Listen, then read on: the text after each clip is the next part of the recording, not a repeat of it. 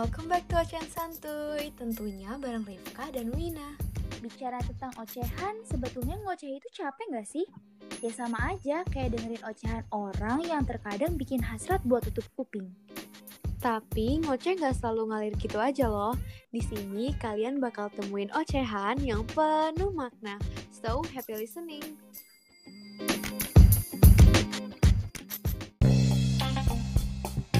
Hai Sobat Santuy, Sampurasun. So, di episode kedua ini kita nggak cuma berdua nih, nggak cuma aku sama Rifka, tapi ada siapa nih? Siapa Hai nih? guys, kenalin aku Hai. saya eh, jurusan peternakan di IPB 56. Jadi eh, Salsa itu kelas kita. Ya, Oh, teman kita. kelas kita. Dia ini paling Aduh. berisik di kelas ya, makanya kita Oh, undang. paling heboh. bukan Makanya lagi. kita undang ke sini karena dia orangnya selalu happy gitu. Tapi dua ini kita bakal ngebahas apa nih? Throwback throwback ya sebetulnya. Iya, kita mau throwback lah. Throwback Kelas, tentang gitu kan. asrama. Asik. asrama bener bener banget karena asrama itu bener-bener apa ya hal Melekat yang banget melekat gak sih? selama di Nah. PPKU gitu kan Anak PPKU di mana sama ada asrama. PCR itu ada asrama Betul, betul banget. Nah, mau nanya deh, ekspektasi kalian terhadap asrama gimana sih dari sebelum masuk sama pas udah masuk tuh gimana? Coba boleh dari Salsa dulu narasumber kita. jadi gesternya dulu dong iya betul, geser. Jujur pertama kali kan emang gak pernah tuh ngerasa asrama ya kan dan cari tahu tentang IPB kan dari kelas 11 itu pertama kali Hmm. tahu IPB ternyata asrama itu tuh kayak kaget kan berdua sama teman. Kayak ih kok ada asramanya? Ih kayak pesantren dong. Mikirnya awalnya kayak gitu. Nah ternyata banyak alumni alumni IPB yang bikin blog. Dan mikirnya awal tuh pasti kalian mikir kan kalau di asrama itu kan ber apa istilah berempat atau bertiga. Mm-mm. pokoknya enggak sama siapa kurang dong privasinya apalagi Iya. suka ngeri kan. Betul, kalau barang gue dipakai gimana? Aduh kalau ini gue tanpa ketakuan kita kan nggak tahu ya namanya kalau kita lagi tinggal kam di- apa ninggalin kamar Iya, sama iya. temen namanya temen ngapain kita Iya. kan nggak tahu kan nggak paham ngeri juga takutnya juga sempet mikir kalau dia bawa teman terus aduh ntar barang kita diapa-apain atau kita ya. diapa-apain banyak was-wasnya gitu kan aduh kam kamar kamar mandi rame-rame untuk selain A5 itu berasa kayak aduh ini gimana cara ngatur waktunya itu kan yang susah banget tuh ngatur waktunya ekspektasinya tuh lebih banyak yang jelek Iya, sih iya. daripada Iya, yang bagus aduh ini nyuci gimana caranya Ah, ngadep bener. Tapi itu ada bicu sih. Bicu ngebantu banget ya. Iya. Sama laundry. gue gak pakai bicu Oh, sih iya? A3 tuh ah AI3 mah parah hilang Ah, hilangan juga mulu sama rentan banget sama Nggak paham. atau ketuker Padahal dinamain kan iya Aku di A5 Makanya jarang sih. Jarang. Aku emang ya ini alimat ketuker selalu beda gak ngerti lagi. Aduh, iya mau sombong nih. Ntar deh sombongnya terakhir. Jalan tahan ya sombongnya. Tahan, tahan. Dari aku. tapi kalau A5 kan enaknya kamar mandi sendiri terus ada jemurannya di Iya, balkon sendiri. Jadi mereka tuh daripada bicu mendingan nyuci sendiri sama Iya aja kan. sedangkan kalau kita tuh jemur rame-rame itu rawan hilang juga. ada juga ada monyet A3 tolong ada monyet By the way, by the way, kalian kangen gak sih sama kegiatan-kegiatan di asrama? kalau buat acaranya sendiri sih kayak solong sodung gitu sebenarnya nggak terlalu excited ya maksudnya nggak terlalu Hmm. kangen juga sebenarnya kangen itu sama suasana di kamar di Nah, lorong gitu gitu bener. kita sekarang bakal ngebahas aturan lah ya aturan yang ada di asrama Nah. tuh kira-kira apa aja gitu kan dari yang mulai biasa aja sampai yang bikin kesel banget misalkan apa ya nggak pakai celana pendek terus Mhm. nggak pakai apa sih yang bajunya tuh apa leg bong tuh apa sih you can see you can see Ya Allah, lekbong bahasa apa? ini tank top ya tank top itu kan nggak boleh ya sebenarnya itu emang ada tujuannya tujuannya baik gitu kan takutnya ada siapa kan Iya. luar gitu kan jadi eh, jadi setiap aturan yang ada di asrama itu bukan eh, cuma untuk menghindarkan tapi memang pernah terjadi Iya. makanya aturan itu dibuat untuk Jamal gue pernah kena Jamal tuh dua kali dan bodoh banget sih gue Gimana? kenapa? Jamal yang pertama itu lewat lima menit Oh, menit doang. Terus apa yang kedua Jamalnya lewat semenit Disita. enggak lah itu cuma dicas doang Justru aku nggak pernah nih ngerasain Jamal. Waktu itu aerobik gak jadi Jamal kan ya? Wina nggak asik Nggak banget jadi- kena nggak berani gak asik banget, gak tahu rasanya gimana tuh. kalian mending ya Iya. kagak ada misalnya Wina nggak pernah kena Jamal Salsa kena Jamal tapi nggak kena uh, KTM. disita KTM aku Gimana tuh? kena disita sampai tiga minggu apa sampai sebulan gitu ya Lama ya Jadi- ceritanya? kok Tapi selama itu sih kebodohan yang hakiki kamar aku jadi tuh kita eh kamar aku tuh bertiga tuh emang niatnya mau ngejamal pengen nyobain ah ngebandel sekali Ah. gitu kan. Terus udah gitu akhirnya kita ke Transmart itu inget banget asar. Heeh. tapi tuh macet banget sampai jam 4 itu masih di depan bara. Ya Allah. itu mending balik lagi guys. Iya makanya tapi itu udah di grab car kan kayak aduh gimana ya? Udahlah emang niatnya dari awal pengen jamal kan akhirnya udah digas aja. Sampai di Transmart jam 5an kita makan makan gak kerasa udah habis isa tuh udah jam 8 atau setengah sembilanan gitu. Ya udah kan kita udah udahlah ini mau gimana lagi akhirnya kita ke MCD nah di situ kita inget banget aku tuh nge-live gitu loh di IG Mm-mm. terus ada cutting Ah. yang kenal gitu kan temen cutting itu terus kata dia gini loh kok di MCD ngejamal ya dia ngomen gitu terus udah gitu aku bilang kan iya he pengen nyobain gitu kan Panik-panik ajaib ya. terus kata dia gini ya udah eh, ini mah kesaran aja ya gitu kan kalau misalkan mau ngejamal eh, nanti baliknya jangan di jangan sebelum jam 3 lah gitu kan Mhm. pokoknya jam 3 ke bawah jam 3.45 baru boleh balik gitu kan tapi boro-boro jam satu aja udah menggigil banget kita bertiga Kedinginan itu ya? gak kuat banget iya di MCD tuh emang rame sih cuman dingin parah dan itu posisinya emang Oh. kita tuh di bawah AC banget gitu Hmm, kan Salah tempat nih. terus akhirnya kita nekat jam 2 balik. Ya Allah. kayak ya Allah ini Itu gimana naik ya apa? Itu naik apa? itu naik grab grab kan? Oh naik grab. yaudah akhirnya kita lewat aja nyelonong. Taunya ada satpam bener standby.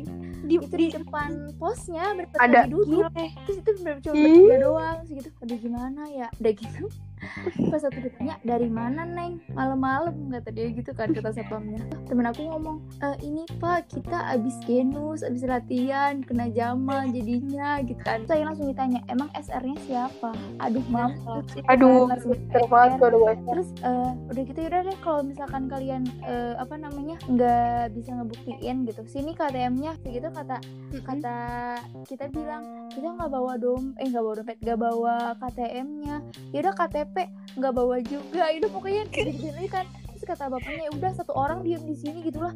Kan kita gak mau ya. Akhirnya ya udah kita bela-belain nyar naruh apa ya naruh HP kalau nggak salah jaminan gitu. Biar kita tuh balik lagi buat ngasih KTM kita gitu kan. Kata KTM ya udah iya.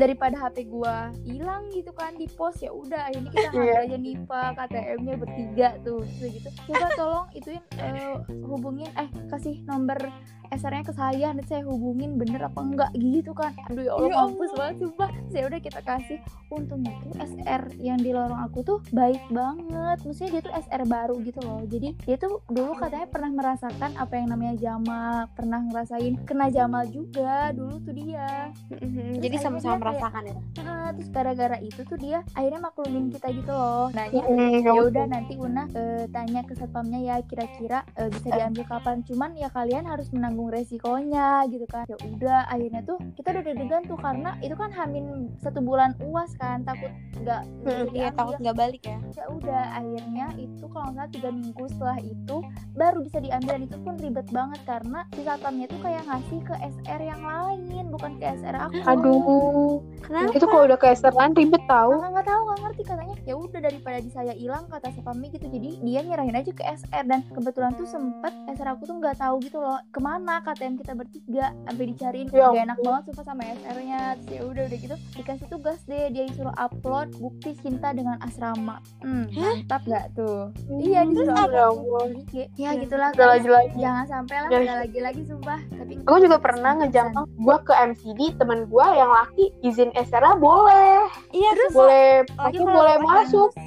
banget. iya dan gue gak boleh terus gue bingung. Terus yang gue tanya di grup itu ada yang ngejamal nggak gitu kan. Nah Erza untung ngomong "Eh, aku sal di musola FMIPA eh musola FMIPA ya gue tuh gue tuh bodoh banget kan tentang Dena apalagi IPB gue nggak tahu Iya. banget parah Parah. Gelap sama malam juga. ya. Iya malam banget itu sumpah gue takut banget tau gak sih gue takut banget gelap Emang, Emang? sendiri Sal? jadi sendiri gue menuju IPA gue pulang sama Erza katanya pokoknya jam 4 pada pulang gue balik tuh sama Erza gue takut banget temu SR kamar gue sebelah SR bos ntar gue iya, ditanyain iya. mampus aja bos gue jadi tuh gue sama Erza pas mau masuk gerbang jadi kayak banyak rombongan di mobil itu ada anak cewek cowok terus eh, banyak motor juga cowok ngeboncengin anak cewek kayak teman-teman mereka. Gue kan takutnya sama Erza kalau apa-apa di, dikira gue rombongan mereka kan. Iya, ya udah akhirnya gue mau Erza buru-buru dong kayak duluan duluan duluan dan ternyata kan itu ditutup tuh gerbangnya. Aduh gue takut banget kan bunyi gue sama Erza gue pelan-pelan kata Erza, tuh dia ada senjam aja kayak santai aja sal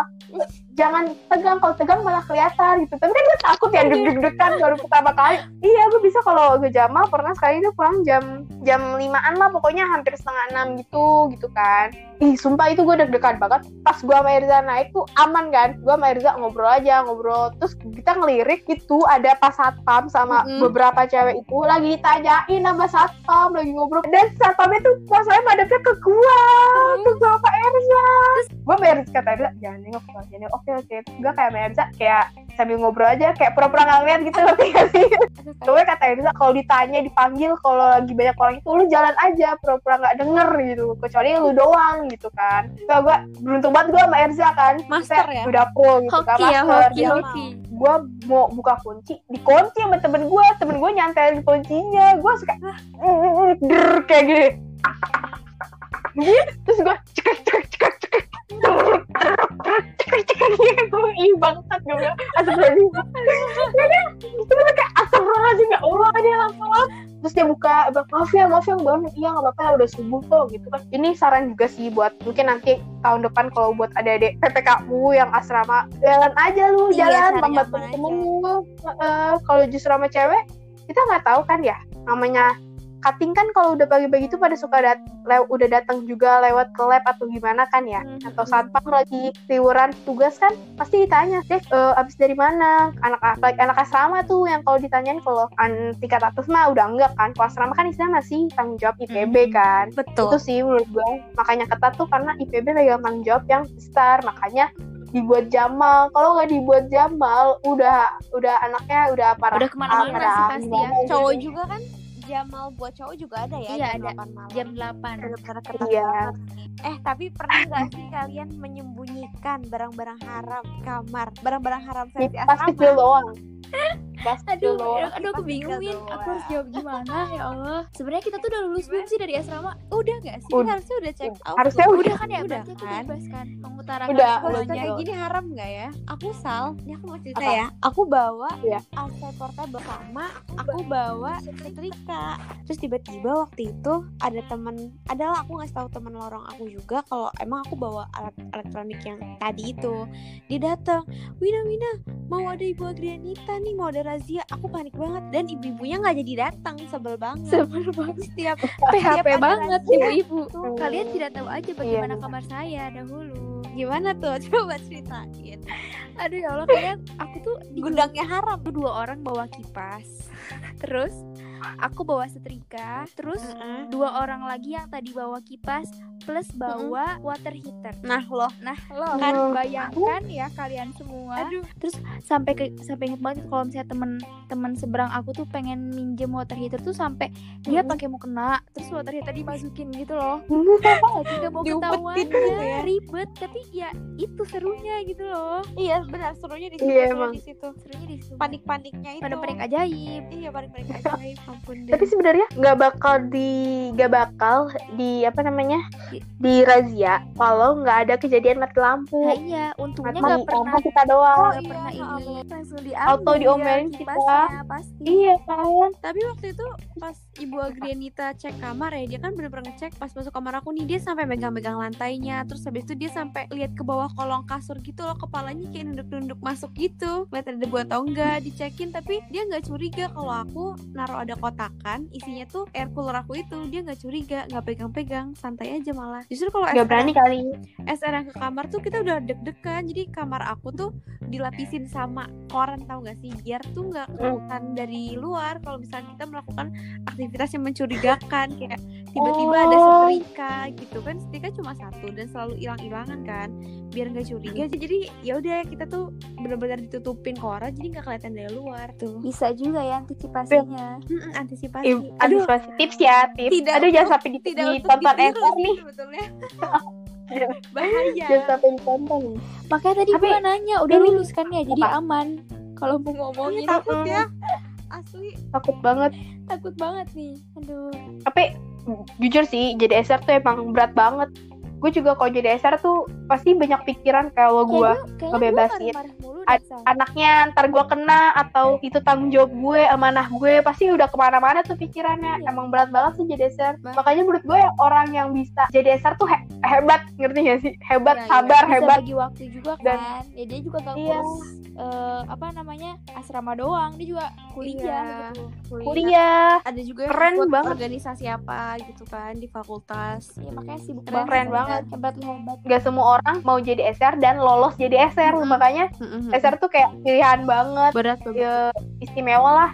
Makanya gue kadang-kadang kalau ada temen gue yang ya ada juga kan yang kadang suka pakai bajunya yang melanggar aturan ngerti kan maksudnya? Iya, iya. Terus jelasin juga kadang gue bilang jangan gitu takutnya nanti dilihat SR eh, apa SR lain terus SR kita ketegor kan kasihan Iya, gue bener. gitu kan gue tuh kasihannya sama SR-nya gitu kalau anak-anaknya pada bandel resek begitu gak sih oh kayaknya Salsa calon SR ya kenapa kayaknya enggak enggak enggak enggak ngerti banget gitu perasaan SR Ayo. Salsa mempelajari ya Enggak. kan enggak enggak mau gue. kita dukung biar pada gak ngelanggar kayak kita kita kalau lu jadi Iya. SR kan. Salsa ini udah cerdik banget nih kan. Udah tahu nih celah-celahnya. Maba nih apa aja nih udah mempelajari. Udah pengalaman Nah, juga. Iya udah pengalaman juga. Janjian dia selama ini cari pengalaman gitu. Biar buat tahu mengabdi di tahun-tahun berikutnya. Betul. Amin Tidak. amin amin. Kalau buat ngebawa barang-barang kayak gitu nggak apa-apa kalau gue ya. Bawa Mhm. kipas bawa heater. Karena nggak pernah ngejepret kalau ngejepret itu kalau bawanya Ngejepret. tuh bukan yang besar. Tahu ngejepret gak Win? Enggak. Tahu ngejepret ya jepret lampu turun oh iya turun Allah. turun. listriknya turun. Makanya kok aku itu Dari banget tadi. Wina tuh bahasa Indonesia-nya terlalu bagus kayaknya nggak sih Ate ya? Bahasa bahasa kita apa nggak ngerti? Ngejepret. Tolong tolong. Seseru Asrama. itu asrama tuh emang. Iya ya uci salsa. Kita tunggu ya di tahun Di tahun 2000 Uci Enggak.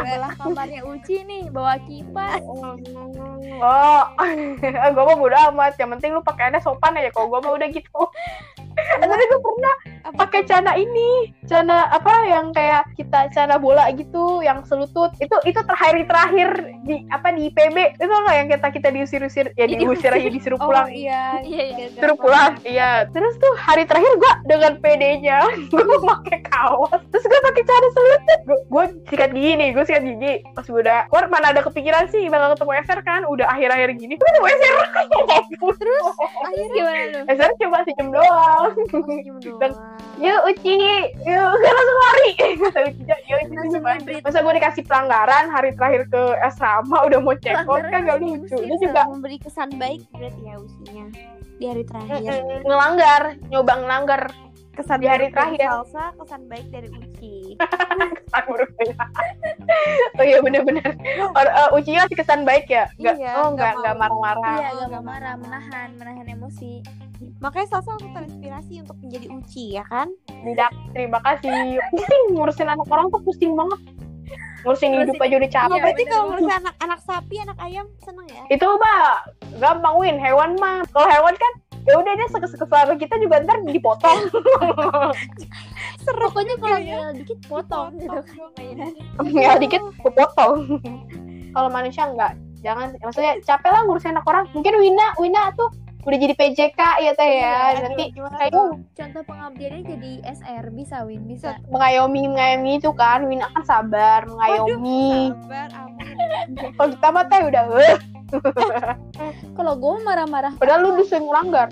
Jadi SR tuh harus bisa jadi bukan jadi diri sendiri gitu harus jadi sosok Iya. baru Iyalah. yang yang sebetulnya tuh dituntut kesempurnaan gak harus sih jadi di contoh SR tuh? juga buat cara berpakaian ya kan Bisa dilihat cara berpakaian SR tuh udah syari semua Masya gitu udah sesuai syariah terus cara bicaranya Wah, kalau aku juga masih suka teriak kan ya punten banget nih jadi nggak baik contohnya gitu kan seru juga ya ngomongin asrama aduh jadi maaf ya aduh jangan sampai set nonton ya Allah Gak Enggak sih apa-apa kayaknya ya. Paling ntar juga senyum-senyum doang kayak oh ya dulu gue juga gitu kok gitu paling dia sama dalam hatinya dulu gue juga gitu Ada cuma tidak disuarakan Benar.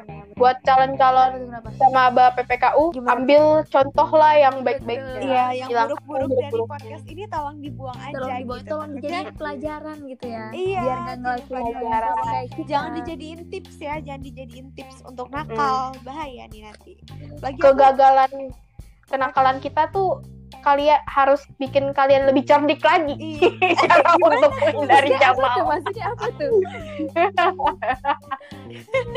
Bahaya nih. ke kebodohan kita dalam melanggar itu harus kalian pikir ulang bagaimana tips and trick lebih Oh, cerdik lah lebih cerdik. Iya, tips and trick cerdiknya lah lagi ya. Iya itu jangan sampai mereka kayak kita gagal juga.